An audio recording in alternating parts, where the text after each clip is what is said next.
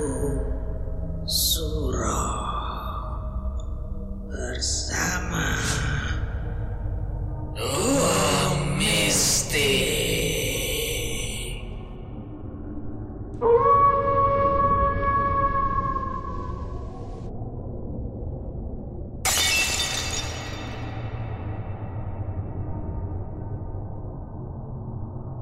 Halo, selamat malam. Kali ini di channel Satu Suro saya mau berbagi sedikit pengalaman pribadi saya. Malam itu saya terbangun dari tidur karena haus. Dan kebetulan dispenser saya ada di ruang samping rumah.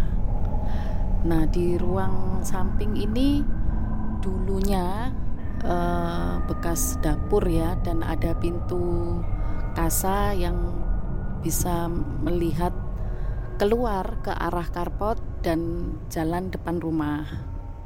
Nah, di saat saya mengambil air minum, tiba-tiba saya melihat ada sosok putih berbaju putih gitu, uh, rambutnya panjang dan mukanya nggak nggak tahu ya mukanya seperti apa karena ketutup rambut.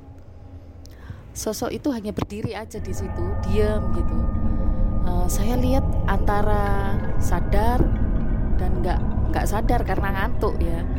Tapi kok tiba-tiba keluar suara ketawa kayak hihi gitu dan suaranya tuh kenceng banget mekak di telinga.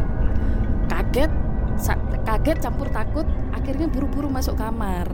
Nah begitu saya sudah di kamar suaranya masih terdengar jelas dan kenceng banget dan anehnya suami dan anak-anak saya ini kok nggak kedengeran dan tetap aja tidur gitu.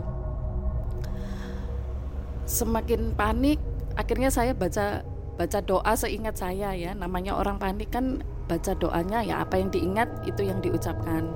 Alhamdulillah lama-lama suaranya hilang.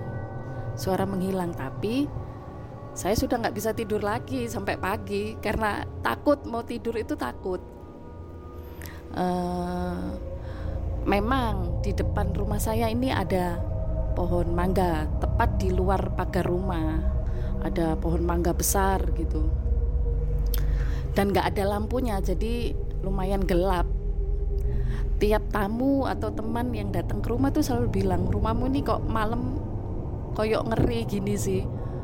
Gelap nggak ada lampunya yang di depan. Uh, kalau kata orang Jawa katanya singup dan ada salah satu teman juga bilang iki lo pohonmu kok kayak ada orangnya ada orangnya seperti apa saya juga nggak paham.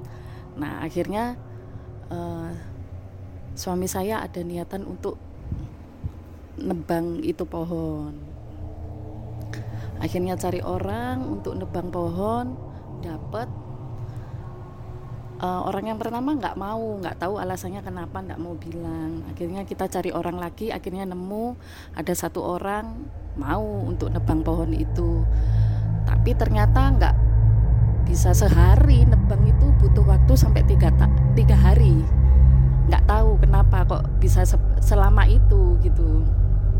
Akhirnya uh, pohon sudah ditebang sudah bersih rumahnya juga nggak tahu juga dibaca doa-doa gitu sama yang nebang pohon saya juga nggak seberapa paham dan alhamdulillah nggak pernah sudah nggak pernah ada gangguan-gangguan lagi ya mungkin dari pohon di depan rumah itu juga bisa mungkin Oke, itu sedikit cerita pengalaman pribadi saya.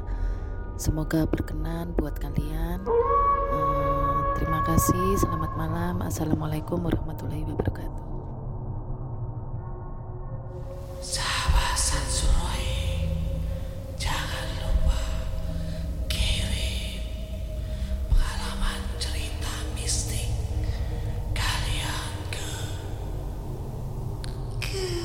Keep